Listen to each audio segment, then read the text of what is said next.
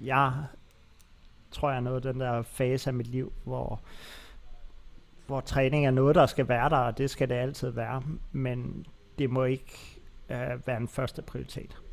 Mm. Øh, jeg har børn, der kræver meget af mig, og de... Øh, hver gang jeg tænker, at øh, det kunne være fedt med sådan en to og en halv timers træningssession, så tænker jeg, at jeg kunne bruge halvanden time på mine børn i stedet for, og så egentlig bare korte det ned til en time. Og jeg føler, at den difference, der er mellem det ene og det andet, rent resultatsmæssigt, kan jeg ikke, øh, kan jeg ikke forsvare over, over for mig selv eller nogen andre. Velkommen til træningsteamen. Træningsteamen er for dig, der vil have mere viden om styrketræning og om kost. En podcast fri for bro science og quick fixes.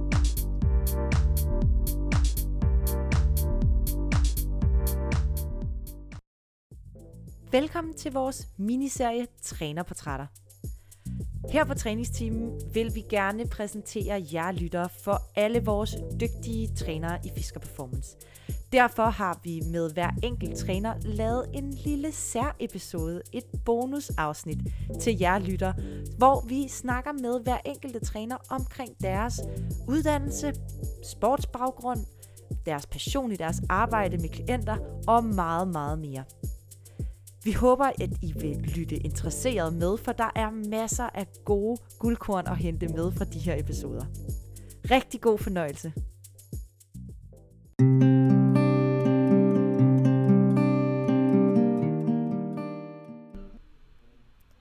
Velkommen til træningsteamen.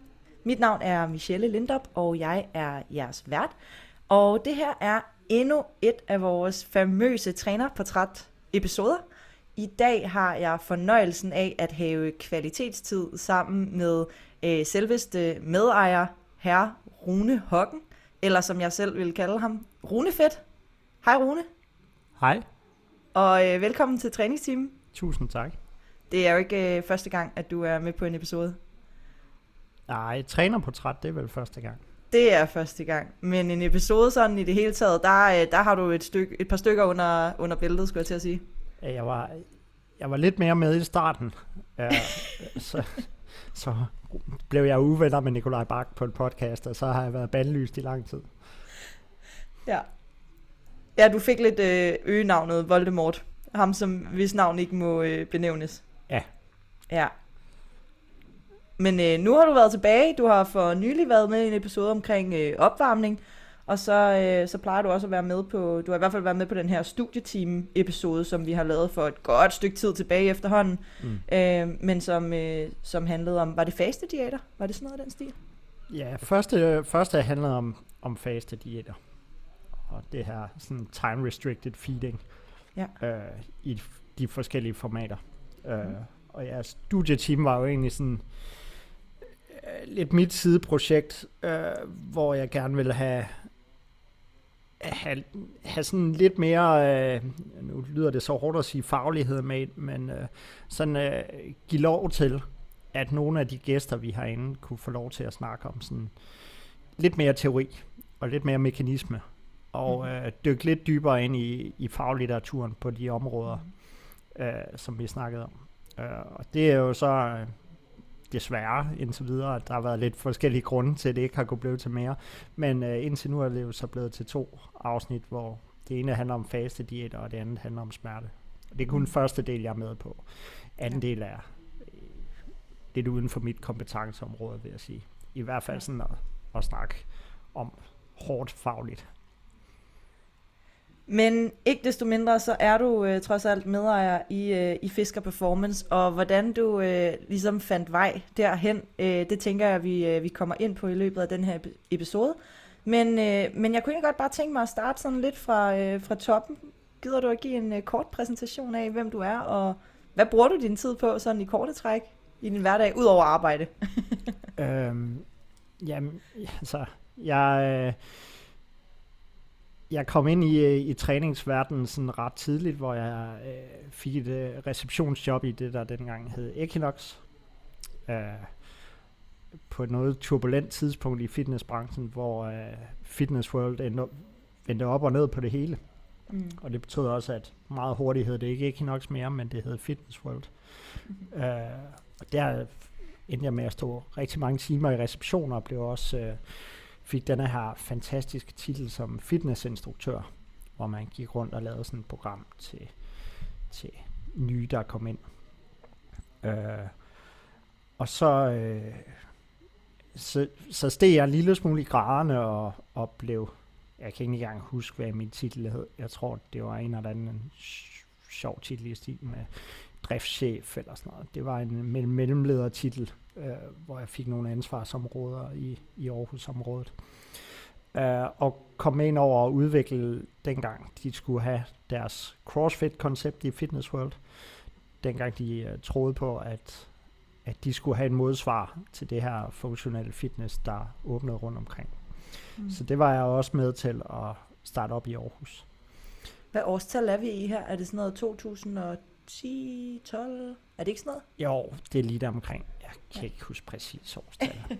øhm, og derfra så, øh, så på et eller andet tidspunkt, så gik det op for mig, at, at det produkt Fitness World leverede, mindede egentlig ikke om det produkt, som jeg forbandt med sådan en god CrossFit-træning, og, øh, og så havde jeg en kollega, der var, der var meget innovativ, og som, øh, som tog mig i hånden, og så, så startede vi vores egen CrossFit-center mm. i stedet for. Øh, det var det, der hed Spartan Mentality. Øh, og øh, sideløbende så tog jeg en bachelor i ernæring og sundhed. Øh, og fortsatte lidt med på den ene side at drifte det her center, øh, som voksede i størrelse, øh, og færdiggjorde min uddannelse, inden jeg så tog kandidaten i idræt øh, mm. på SDU, øh, hvor jeg blev færdig her for en fem års tid siden. Nogenlunde samtidig med solgte jeg, solgte jeg virksomheden fra til det, der dengang hed CrossFit Copenhagen, og som nu hedder Arca. Mm. Mm. Og nu, øh, nu tog du sådan allerede vores øh, detur ind i, hvordan du sådan blev, øh, øh, blev øh, hvad hedder det, hvad kan man sige, kom i nærheden af det her med, med Fisker Performance og begyndte at arbejde inde i, i industrien. Men øh, hvis du prøver at tage os lidt længere tilbage, hvor stammer interessen for træning fra? Altså sådan, nu blev du receptionist i Equinox, senere Fitness World, men hvordan kan det være, at du søgte det job?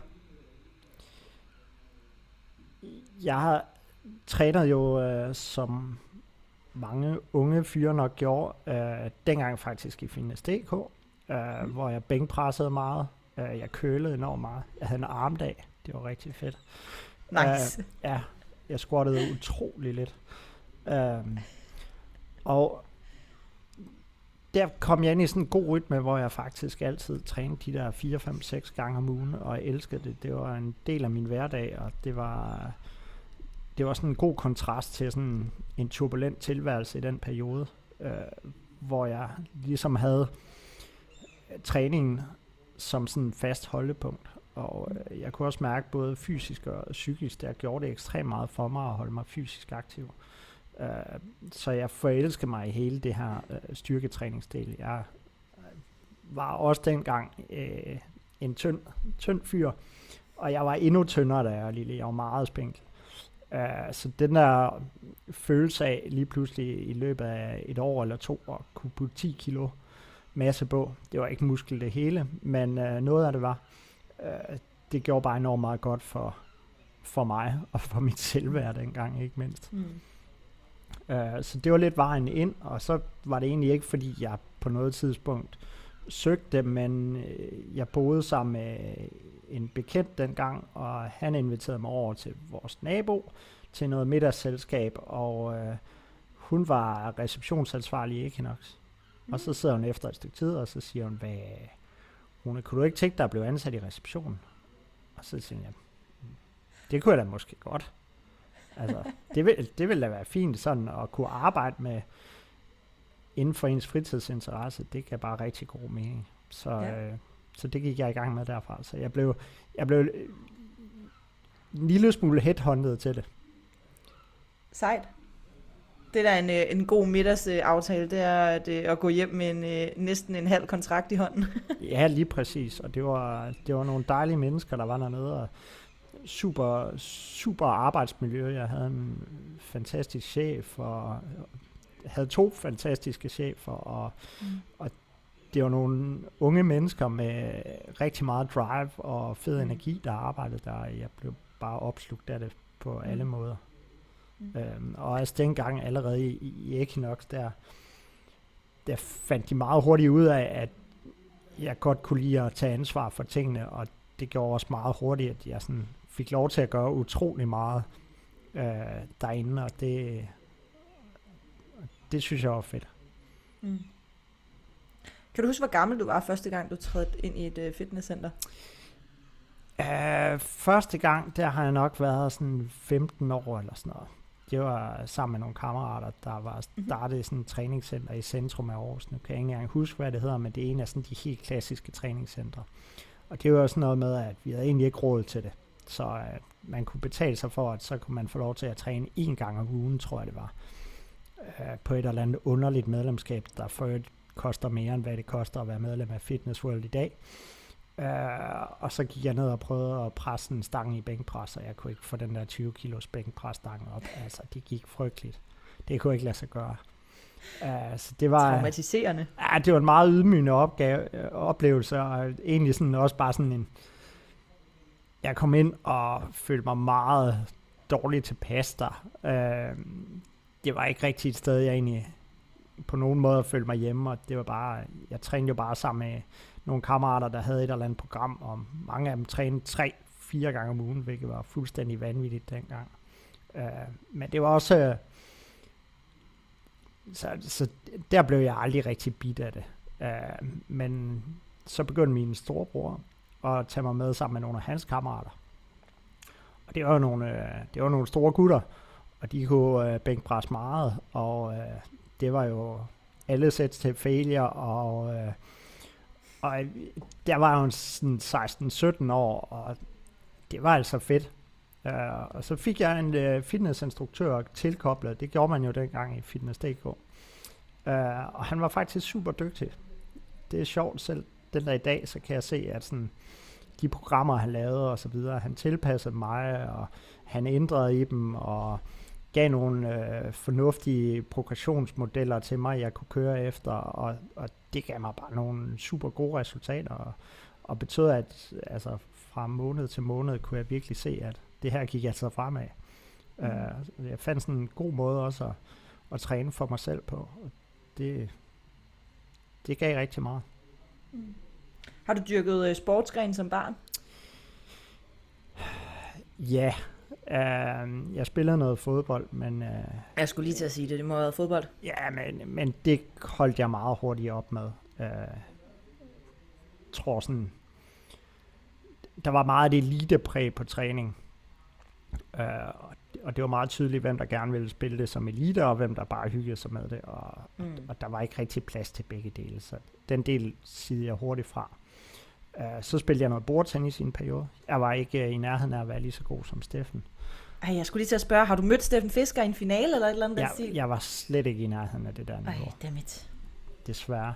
Det kunne have været en, det havde været en god kamp. Det Ellers så kunne vi have taget en rematch snart. Jamen, jeg har prøvet at spille imod ham senere hen, og øh, det, det, det, der kan jeg ikke være med overhovedet. Nej, det er ikke godt for selvværdet. Træning Ej. er godt for selvværdet. Det er uh, bordtennis mod Steffen Fisker ikke. overhovedet ikke. Så den, den del uh, droppede jeg også på et tidspunkt, og så spillede jeg tennis et par år, men jeg er aldrig rigtig god til det at ramme ind i den der alder, hvor man synes, det er sjovere at tage i byen. Mm. jeg, jeg synes, det var meget sjovere at tage i byen, end at spille tennis, for eksempel. Så det, det tog lidt over. Uh, ja, så jeg vil så sige, det jeg nok har haft mest talent for, øh, var inden for skakkens verden. Ikke, øh, ikke sådan en fysisk sportsgren, men, øh, men det var der, jeg var tættest på elite-niveau. Så får du også lov til at, at, at, sådan, at bruge hjernen lidt. Altså, det er jo lidt det, du er kendt for i Fisker Performance. Altså, du har virkelig meget inde i dit hoved, hvis jeg skal sige det på en, en, en pæn måde. Men du er så klog. Altså, sådan, vi, vi andre kan jo sådan godt finde frem til et svar, men den måde, du ligesom kan præsentere det på og formulere dig på, det er jo, det er jo imponerende. Altså, du har virkelig nogle brækker at rykke rundt på ind i hovedet, så derfor kan jeg godt forestille mig, at skak, det var øh, passende. Tak. Øh, jeg tror altid, jeg har været sådan meget analytisk ja. øh, og observerende anlagt. Øh, og det er nok også, hvis jeg skulle sådan guide skakken lidt videre ind i det her, så er det jo det der med at finde sammenhæng og hele tiden se, se lige tre skridt videre ud i, hvordan tingene, mm. tingene fungerer. Ikke? Ja, I skak er det jo så begrænset, hvor mange variabler der er, lige så snart man, ja.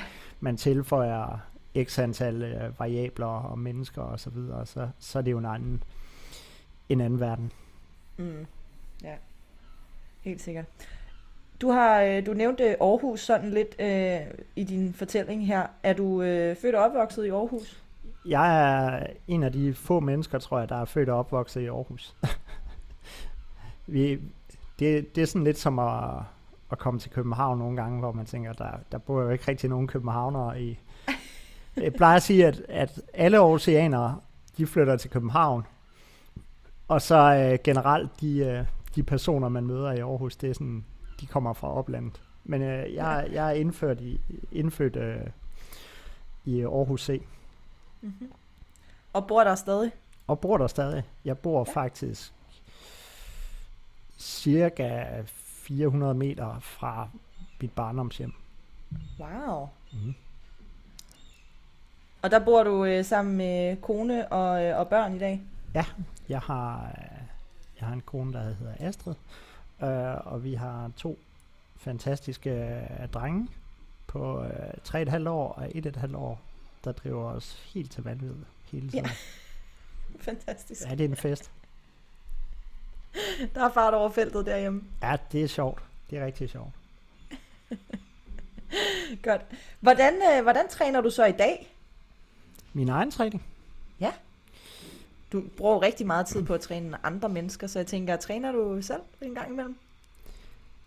Ja, men jeg bruger ikke den samme tid, som jeg har gjort. Øh, jeg tror, jeg er nået den der fase af mit liv, hvor, hvor træning er noget, der skal være der, og det skal det altid være, men det må ikke øh, være en første prioritet. Mm. Øh, jeg har børn, der kræver meget af mig, og de... Øh, hver gang jeg tænker, at øh, det kunne være fedt med sådan to og en halv timers træningssession, så tænker jeg, at jeg kunne bruge halvanden time på mine børn i stedet for, og så egentlig bare korte det ned til en time. Og jeg føler, at den difference, der er mellem det ene og det andet, rent resultatsmæssigt, kan jeg ikke, øh, kan jeg ikke forsvare over, over for mig selv eller nogen andre. Derudover så har jeg altid, det har altid været vigtigt for mig, øh, at mine klienters træning fungerer, end at min egen træning fungerer. Det kan lyde sådan en lille smule heldigt, men, men det, det, at min egen træning ikke fungerer eller er perfekt, fylder ikke særlig meget for mig. Om mine klienters træning fungerer, om firmaet fungerer, det fylder langt mere, og det vil, det vil og, og skal i nogen grad altid være første prioritet i mit arbejde, synes jeg. Mm. Det kan man jo også godt mærke. Nu er jeg jo selv øh, under øh, dine vinger, øh, og, øh, og har været det i, øh, i to og et halvt år, og har trænet efter, øh, efter din programmering, og øh, det går jo også øh, strålende, og man kan sige, det kan man jo, altså jeg kan jo godt mærke, at den programmering, jeg får gennem dig, er jo øh, altid finjusteret til, hvad er det, jeg har behov for, og hvor er det, vi er på vej hen. Øh, så det kan jeg da i hvert fald, øh, det, det er jeg et levende bevis på, at, øh, eller det har i hvert fald mit øh, social proof, at, øh, at du lægger rigtig meget i dit arbejde. Hvor meget fylder dit arbejde i din hverdag? Det fylder rigtig meget. Mm. Det fylder rigtig, rigtig meget. Det har det, det, har det gjort i mange år. Det er... Øh, arbejde er, øh, er jo min hobby. Og, øh, og det er igen det der med, når man blander træning, som er en hobby, øh, sammen med øh, træning med ens kollegaer og venner, øh, mm. så alle de her øh, cirkler, sociale cirkler, arbejdscirkler og så videre, glider jo sammen i sådan en stor ja. pærevælling.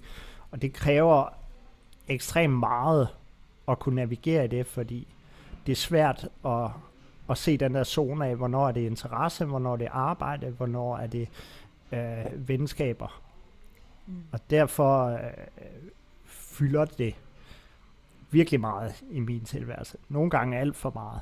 Øh, og nogle gange lige tilpas, synes jeg. Men det er, det er langt, langt hen ad vejen et bevidst valg, øh, fordi jeg brænder rigtig meget for det, jeg laver, og føler, at det har værdi, det arbejde, jeg og vi laver.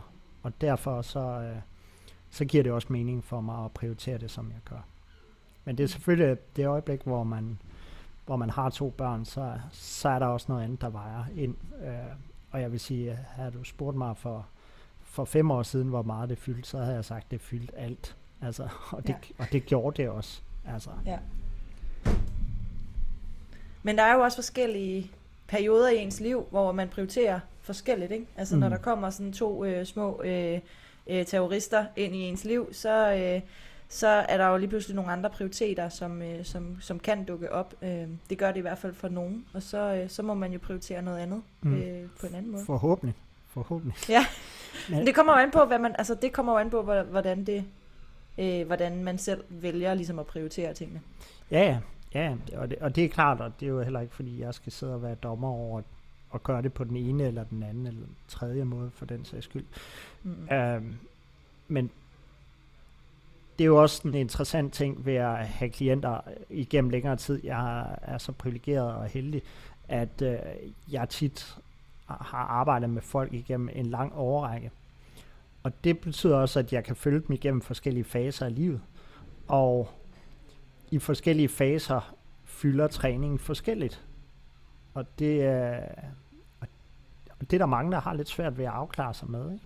Det der med, at man går fra måske en studietilværelse på et halvt studie, hvor man øh, egentlig kan træne og hænge ud i et, i et center i fem timer om dagen.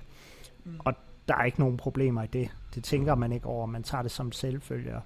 Lige pludselig så står man øh, i et forhold, der skal passes, og man står med en 40 timer, 45 timers arbejdsuge med forventninger til en der, og, og hvis man tror, at, at man kan lade træning fylde på samme måde, eller at træning kan have samme rolle i ens tilværelse, så, så er det en tilværelse fyldt med frustrationer.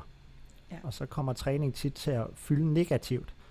Mm. Øh, og det bliver en, en pligt at, at komme til træning og man søger konstant den der følelse, man havde engang af, hvad træning var. Øh, og, og det er jo også en udfordring. Mm. Og det er jo der, det begynder at blive rigtig, rigtig spændende, synes jeg. altså, ja.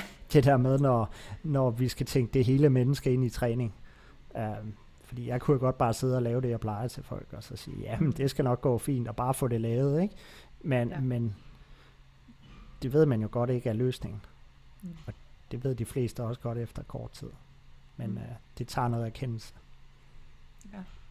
Ja, i hvert fald, det, man er nødt til at blive bevidst om det, øh, og ligesom at, at, at, at erkende, at der er nogle modstridende øh, prioriteter, eller nogle to forskellige sådan, jeg vil gerne det her, men jeg vil også gerne det her, og hvordan får jeg så de to ting til at, øh, at, at spille sammen? Ja.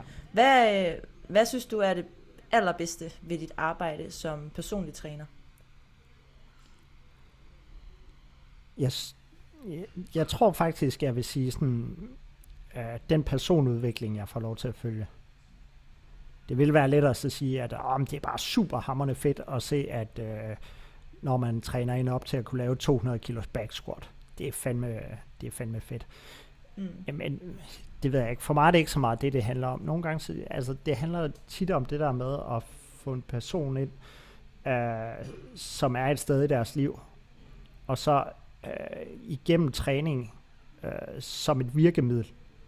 Det er ikke et altafgørende, eller det kan det være, men det er ikke, det er ikke altid en altafgørende virkemiddel, men det kan være en stor indflydelse på, at de lige pludselig får noget, får noget styrke i andre dele af deres liv, får noget selvtillid, får noget tro på andre egne evner, øh, finder en glæde ved, genfinder vil jeg hellere kalde, genfinder en glæde ved bevægelse. Nu har jeg børn, mm. så det der med bevægelsesglæde, det ligger i os alle sammen, uh, men går tit tabt. At, at genfinde den der tro på, at man kan bevæge sig og, og, og se, hvad det gør ved folk. Det synes jeg er helt fantastisk. Uh, at se folk lave ting, som de troede aldrig nogensinde var muligt. Uh, det, er, det synes jeg er fedt. Ja. Det, det kan noget helt specielt. Uh, og for de der mennesker, hvor man, hvor man virkelig, virkelig tydeligt gør en forskel, uh, det, det brænder jeg for. Mm. Hvad er det for nogle mennesker, du typisk har i forløb? Er der sådan en bestemt, øh, altså er der nogle bestemte karaktertræk ved de mennesker, du træner, eller er det sådan meget bred, bred vifte af mennesker?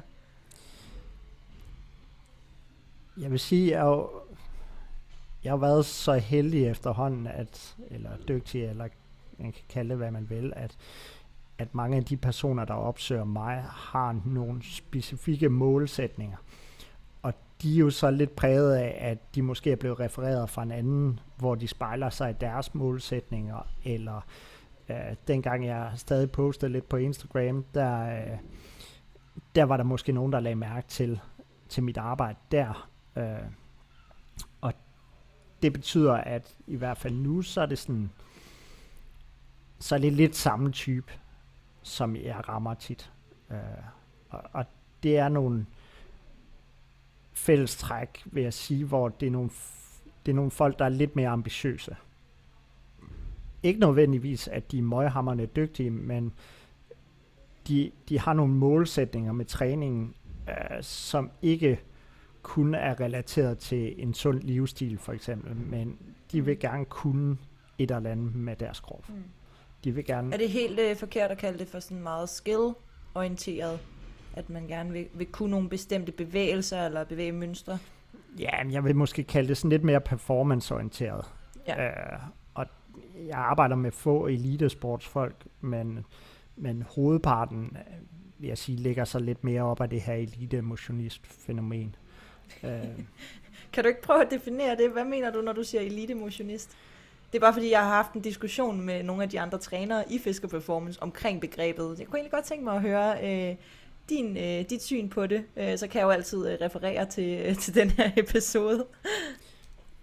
ja, jeg tror, øh, jeg tror, for mig i hvert fald, så det her elite motionist, det er, det er en person, der, der helt eller delvist øh, indretter sin tilværelse efter at blive bedre til en sportsgren. Mm-hmm. Så det er altså en topprioritet.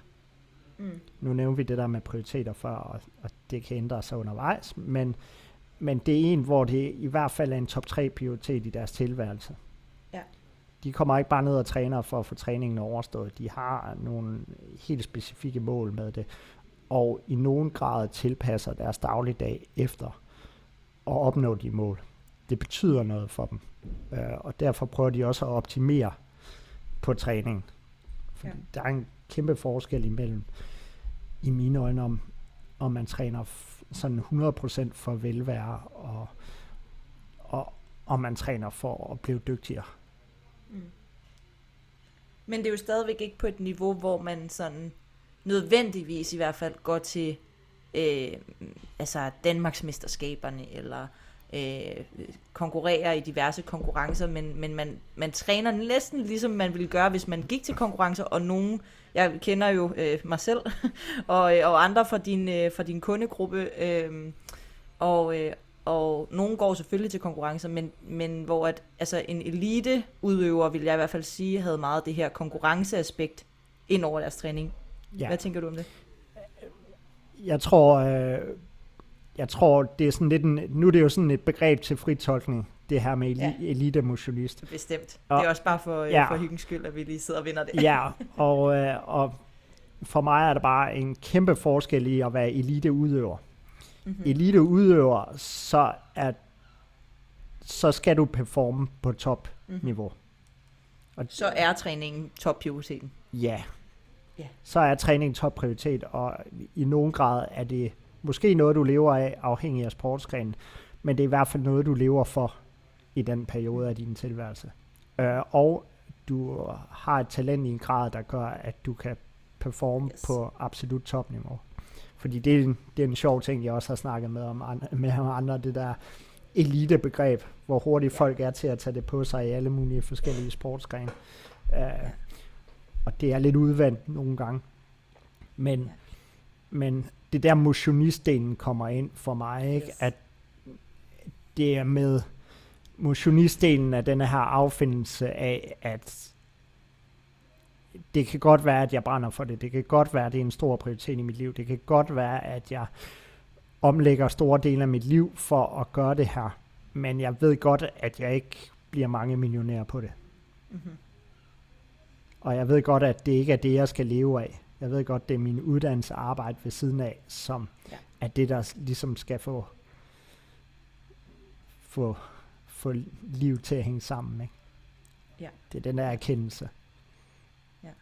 Jeg synes, det er et spændende begreb at så snakke med dig om, fordi en ting er, at du, du har mange af dem i din øh, klientbase, mm. men, øh, men også fordi jeg tror, at mange af vores lyttere måske godt kunne placere sig lidt i den samme øh, kategori, at der er mange af dem i hvert fald, der går rigtig meget op i, øh, i træning, øh, og måske lidt mere end den øh, almindelige, uden at øh, træde nogle over tæerne, den almindelige motionist, øh, så er der rigtig mange af vores, øh, af vores lyttere, der, der går rigtig, rigtig meget op i deres træning, og næsten træner, ligesom man ville gøre, hvis man var øh, øh, konkurrerende eliteudøver, mm. øh, men uden at nå til, til den del af det, altså enten fordi man ikke har talentet, eller fordi at man øh, ikke interesserer sig for at tage det til det niveau. Ja.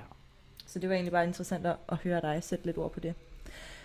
Øhm, nu har vi snakket lidt om, hvem du er, hvordan din træning ser ud, øh, hvor du ligesom kom fra med din træningsliv, og også hvad du sådan virkelig godt kan lide ved det her arbejde som personlig træner. Men du er jo ikke bare personlig træner, igen, uden at træde nogle over tæerne, men du er jo også, øh, hvad, hvad er det, vi plejer at kalde dig, øh, selvudnævnt øh, CEO af, øh, af Fisker Performance. Er det den titel, vi plejer at bruge? Ja, det tror jeg. Det tror jeg. Ja. Uformel. øh, Ja, præcis. Og, øh, og du blev jo medejer af Fisker Performance for nogle år tilbage. Hvornår var det? Kan du huske? 18? Så. Det er vist faktisk sådan fire år siden eller sådan noget. Så det passer ja. meget godt med en 17 stykker.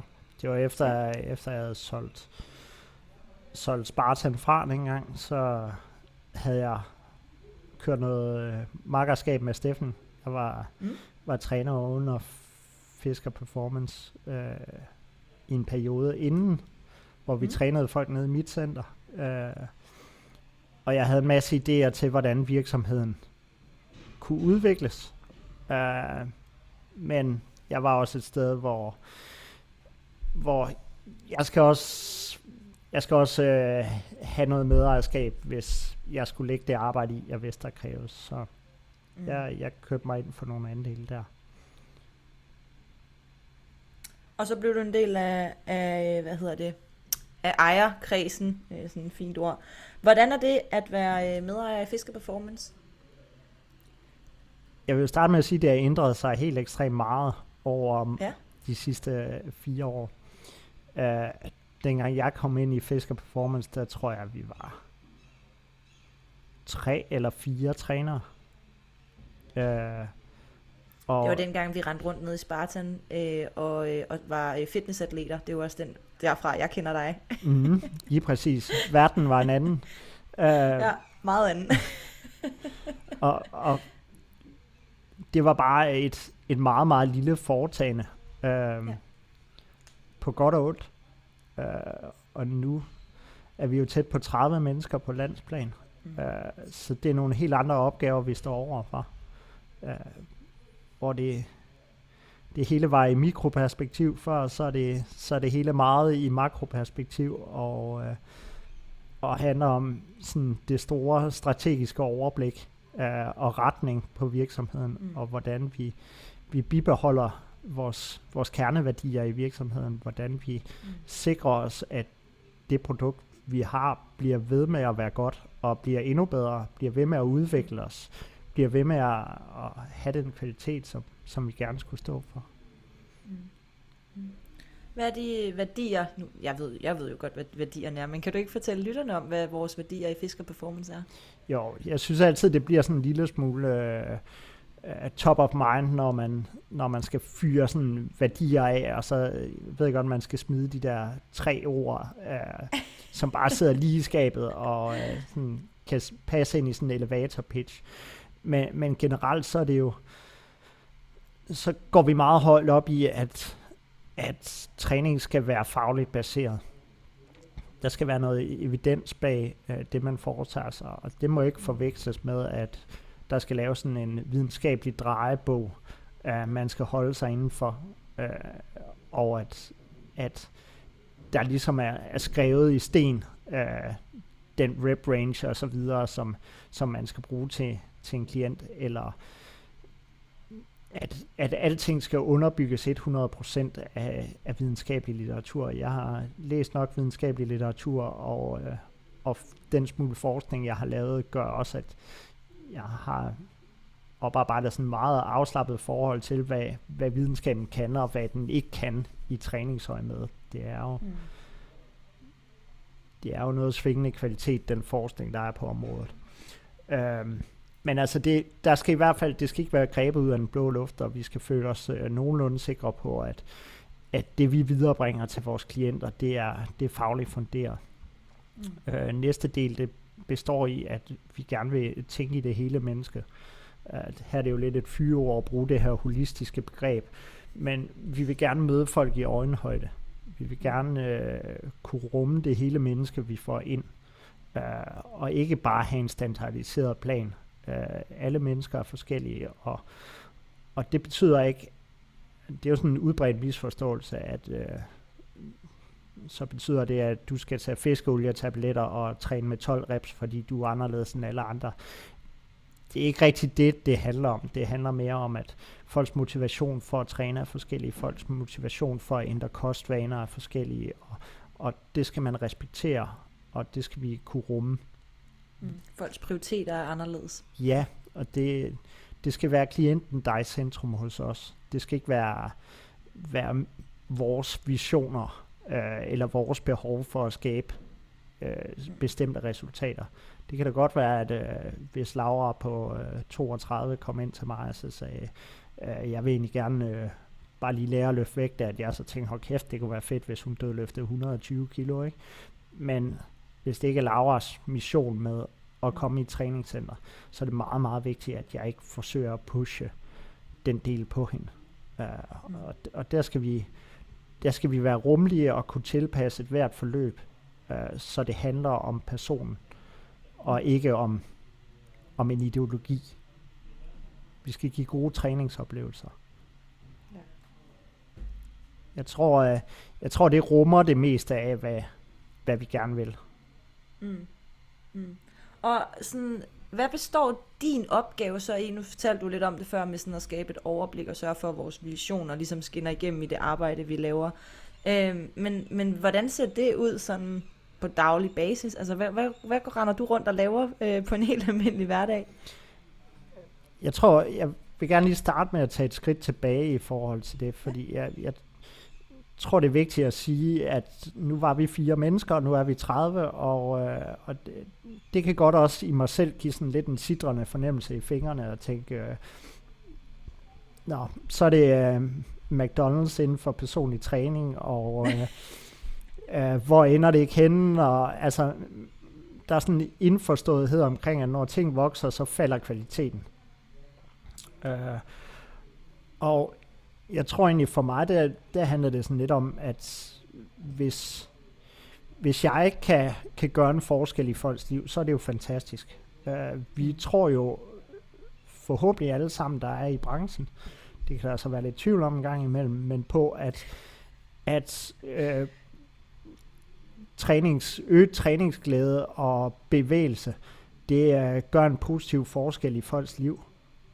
Mm. Og øh, hvis jeg kan være med til at gøre den forskel for øh, 20 mennesker, øh, som vil være min makskapacitet, men så når jeg jo til et eller andet sted, hvor det er 20 mennesker, jeg kan gøre det for, og det er jo fint, men hvis jeg kan få sætte mig ned med en gruppe af folk på fem mennesker, så kan vi måske gøre det for 100 personer i stedet for.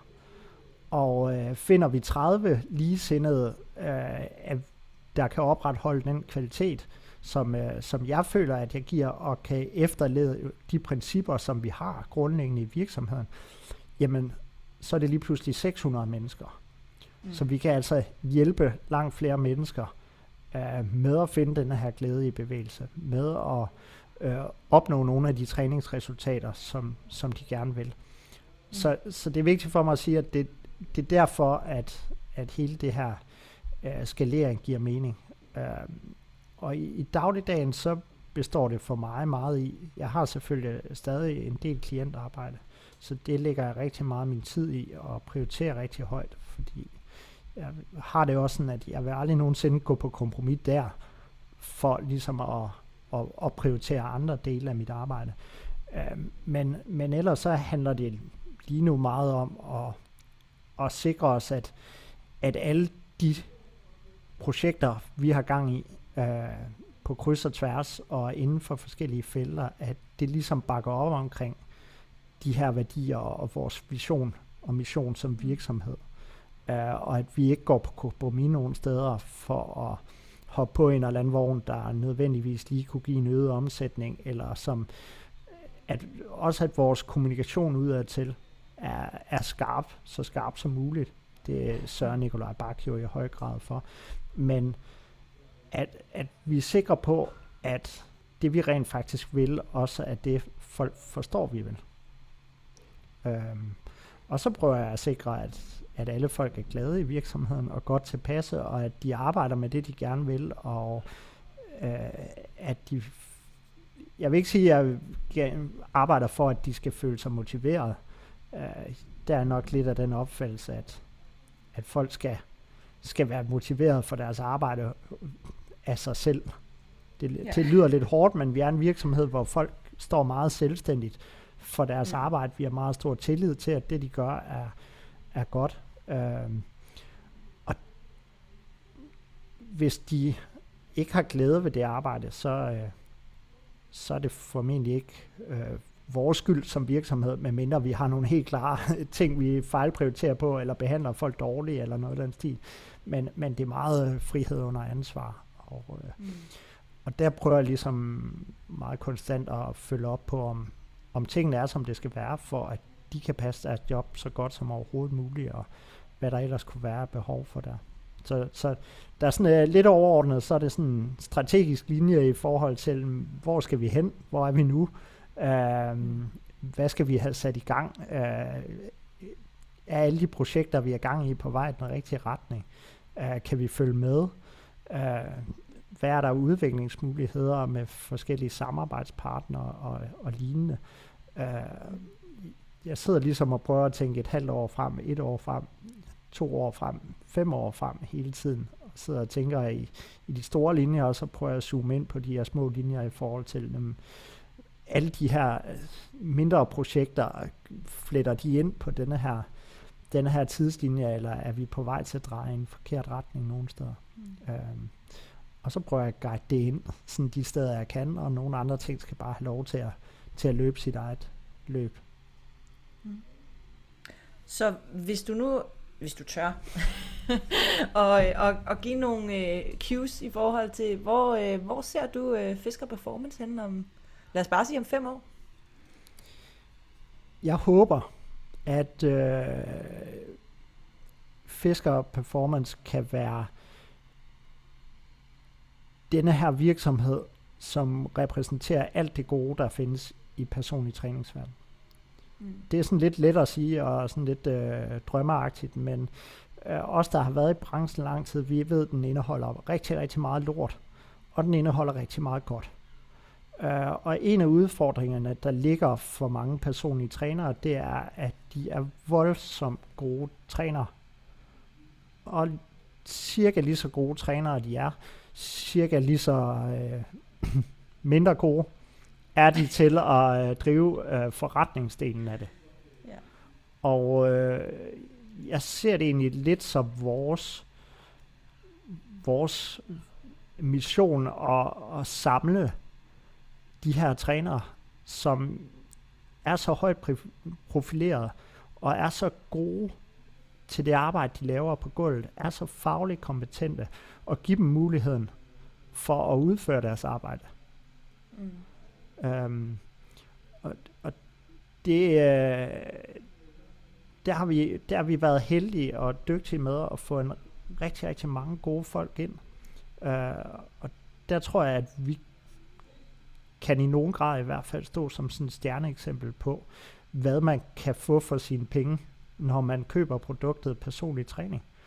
Mm. Um, og der skal være en så stor sikkerhed i, at vi leverer det produkt, at i de i nogle helt specielle rammer, uh, at, at vi bliver sådan en, en vi er med til i nogen grad at hæve hele standarden for branchen.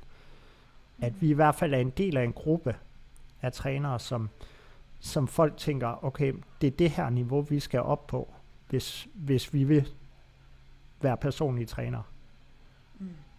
Og det er vigtigt at sige, altså nu, nu snakker vi meget faglighed, og vi har rigtig mange, som har en kandidat i et specifikt fag, men vi har også mange, som ikke har.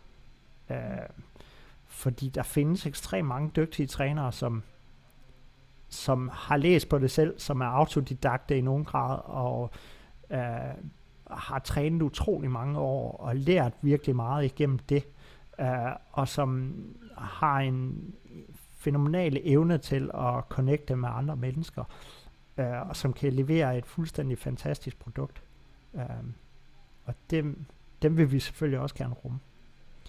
Øh, men for sådan lige at, at zoome det ned, så tror jeg på, at, altså, at vi kan give mulighederne for, at nogle talenter udfolder sig i en grad, som de ikke vil kunne på egen hånd, uh, hvis de stod lejet ind i en eller anden lille bæksæt eller andet sted, eller i en af de store kæder, hvor de bliver presset ned i et system, som mm. ikke nødvendigvis fordrer, at man leverer det bedste produkt for kunden. Mm.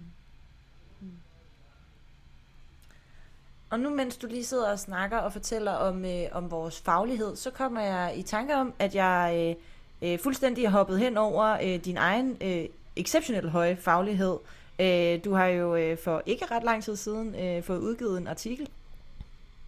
Ja. Som endda er blevet omtalt i øh, det famøse skrift, øh, hvad hedder det, magasin, øh, MAS, M-A-S-S. Ja. Fortæl lidt om, øh, om øh, det.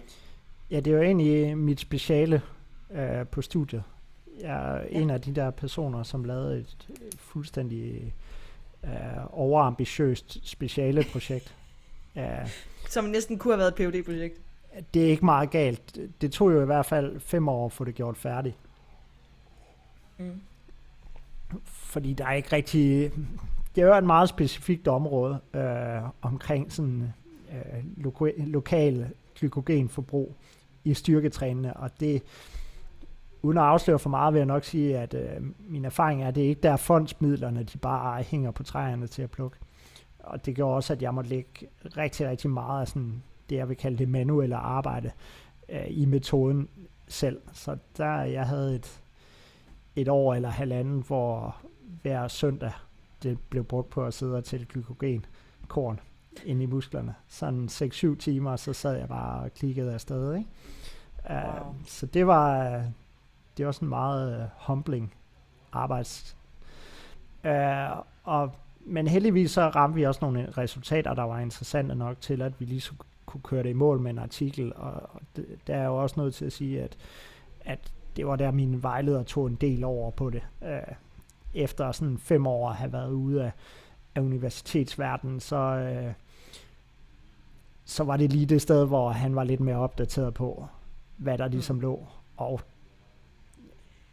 det gav mening, at han overtog på, på et par af, af afsnittene i artiklen. Så, så han skød den ligesom i mål derfra, hvilket jeg er, er evigt taknemmelig for. Men, ja. men det var en sjov oplevelse lige pludselig at, at lege med de store drenge inden for det felt. Og, og helt fantastisk med den anerkendelse, der egentlig kom fra, fra fra nær og fjern, fordi det, det er jo ikke, det er jo ikke nogen små fisk, der lige pludselig sad og skrev til mig forskellige steder. Og det er da en sjov fornemmelse lige pludselig at sidde og, sidde og høre en podcast, og så ens navn bliver sagt i det. En, en større international podcast. Ikke? Ja. ja. Det er, det er ret imponerende. Men igen, det øh, fører os jo bare tilbage til, at øh, min, øh, min ros er der tidligere. At du, øh, du har altså... Øh, øh, hovedet skruet ordentligt på. Øh, og, øh, og også øh, den, sådan, den forskervej er jo enormt inspirerende for mig selv personligt, øh, fordi at det er også noget, som jeg synes er rigtig, rigtig spændende. Øh, og, og, og godt kunne tænke mig noget mere af, så, øh, så der går du jo ligesom forrest. Øh, men altså, hvis du nu ikke skulle have været medejer af Fiske Performance, ville du så gerne have været forsker? Jeg overvejede det lang tid. Øh, jeg tror endda også, at jeg sådan lagde ikke billet ind, men, men jeg snakkede bare med min vejleder om mulighederne for det. Mm. Øh, men det er jo en usikker verden. Det er jo en meget usikker verden. Og på det tidspunkt i min tilværelse, der, der kunne jeg egentlig godt se, den, der kunne jeg sagtens leve med den usikkerhed. Der var det ikke, øh, der var det ikke det, der var problemet i hvert fald. Øh, jeg tror, jeg indså, at jeg måtte øh, gå på for mange kompromiser for ligesom at nå derhen, fordi øh, jeg skulle for det første dreje den forskning, jeg skulle være en del af, over på noget, hvor der var fondsmidler. Uh, derudover så ville jeg stå lidt i sådan en limbo-situation, hvor jeg ikke vidste, om jeg fik funding, og eventuelt hvor lang tid det ville tage. Og, og det er jo også fint nok, men, men jeg kender også mange historier om folk, der har søgt fondsmidler i tre år, eller noget i den stil, og øh, jeg vil ikke ligesom sætte alt i mit liv på standby. Og så fik jeg første barn, og, øh, og der havde jeg rigtig, rigtig svært ved at se tilværelsen som som forsker øh, i Odense, kombineret med at have det barn og have en virksomhed, som jeg havde på daværende tidspunkt siden af. Jeg havde svært ved at se, at jeg kunne få det hele til at gå op. Og igen, så må man, mm. så må man prioritere lidt. Og det er ikke en drøm, der er helt død. Altså, jeg har en eller anden idé om, at det, jeg skal ikke lyde, øh, lyde skævt, men nogle gange så, så laver jeg sådan nogle big switches i min tilværelse. Øh, det kan være øh, om to år, at øh, jeg tænker, nu har jeg gjort, hvad jeg kunne for det her Fisker Performance. Det regner jeg ikke med, skal det siges, men øh, jeg har, øh, jeg har, jeg har meldt det ind for alle, at øh, det kan være, at jeg står om to år og tænker, det var det, nu kan jeg ikke gøre mere der, jeg skal lave noget andet, og så kan det være, at jeg går all ind på at, på at få en PhD, eller jeg bliver hjemmegående far, eller et eller andet helt tredje Øh, bare ryster posen. Jeg tror på nogle gange, så, så vi har sådan lidt en tendens til at sætte os selv fast i sådan nogle trygge rammer, hvor vi bare har det godt, og hvor vi føler, at sådan, så er det på plads, og mm. når det går lidt bedre, så kan vi købe en større størrelse bil, eller så kan vi få det der tv, vi altid havde tænkt, vi gerne ville have, eller et eller andet. Og, og jeg tror på, at man er nødt til en gang imellem i hvert fald at blive trykket ud der, hvor man er ude af ens komfort. Fordi så er tvunget til at tage nogle valg. Man er tvunget til ligesom at sætte sig op og tænke, skal jeg være modig, eller skal jeg ikke være modig, eller hvad har jeg egentlig brug for, og, og mærke lidt efter. Uh, og, og der kommer tit nogle rigtig gode ting ud af det. Det er ikke det behageligste sted at være, det er et frygteligt sted at være tit, uh, men, men de steder, hvor jeg har følt det mest, og hvor jeg har haft det værst, det er også tit de steder, hvor der er sket de største forandringer. Øh, og meget tit har det været til de bedre. Selvfølgelig er der også nogle tilfældigheder, der spiller ind. Det er der meget tit, men, men det øjeblik, hvor du aktivt selv er nødt til at tage de valg, så, så sker der et eller andet magisk. For nogle mennesker i hvert fald. Andre synker bare ned. Og det øh, synes jeg egentlig leder os øh, sådan ret godt i retning af at, øh, at afrunde mm. den her episode, fordi at øh, mit sidste spørgsmål vil være sådan, om hvor ser du egentlig dig selv? Nu snakkede vi om Fisker Performance før, men hvor ser du dig selv hen i løbet af de næste 2, 3, 4, 5 år? Øhm, og det synes jeg, at du øh, sådan svarede meget fint på her, at øh, det kan være, der sker et stort skifte. Ikke at det er noget, som øh, allerede ligger i kortene, men at du ikke, øh, at du ikke er fastlåst på, øh, på en tilværelse resten af livet for evigt? Overhovedet ikke. Overhovedet ikke. Jeg, jeg elsker at arbejde med klienter, og jeg synes, det er mm. møghamrende, møghamrende fedt. Uh, men jeg skal jo ikke, som 45 år, skal jeg ikke stå 25 timer på gulvet. Uh, der skal mit liv indeholde noget andet også. Uh, og om vi har opbygget virksomheden til, at den kan rumme, rumme det for mig, eller om jeg skal lave et eller andet helt andet, det, det ved jeg ikke. Der er også, øh, som sagt, det, livet med to meget små børn, der, der er man nødt til at have en rytme og nødt til at have noget stabilitet for deres skyld. Når de bliver lidt ældre, så kan det være, at, at tingene bliver anderledes. Ja. Rune, jeg vil sige uh, tusind, tusind tak, fordi du havde uh, lyst til at give dig selv, eller give, give tid, give dig selv, give tid til at uh, være med i den her uh, episode. Det var en uh, fornøjelse at, øh, at høre lidt mere sådan om dig og hvem du er øh, for en. Øh, og jeg håber også, at øh, jer, som lytter med hele vejen til nu, at I også øh, har fået et lidt øh, bedre indblik i, hvem øh, Rune Hokken, a.k.a. Rune Fedt, han er for en fætter. Rune, hvis der nu er nogen, der sidder derude og tænker, hvor kan jeg følge med i Rune Fedts liv? Hvor er det, at jeg kan stalke ham henne?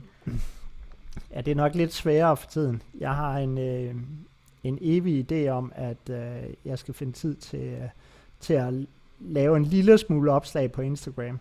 Uh, der, altså ud over det der årlige post, som vi er blevet enige om, at du laver en gang om året. Ja, men uh, jeg har en, uh, en fast følgerskare, der elsker mig for det ene opslag, og som troligt kommenterer på det ene opslag, øh, typisk meget sarkastisk. Øh, de ved godt, hvem de selv er. Øh, men men det, er nok, øh, det er nok mit bedste bud. Ellers øh, så, så er jeg ikke så offentlig, øh, offentlig anlagt som person. Uh, og ellers så kan man jo være med i vores Facebook-gruppe, Træningsteam. Ja, der kommenterer jeg en sjældent gang imellem der er du i hvert fald øh, til stede i øh, kommentarsporene på, øh, på diverse spørgsmål fra, øh, fra vores øh, søde lyttere.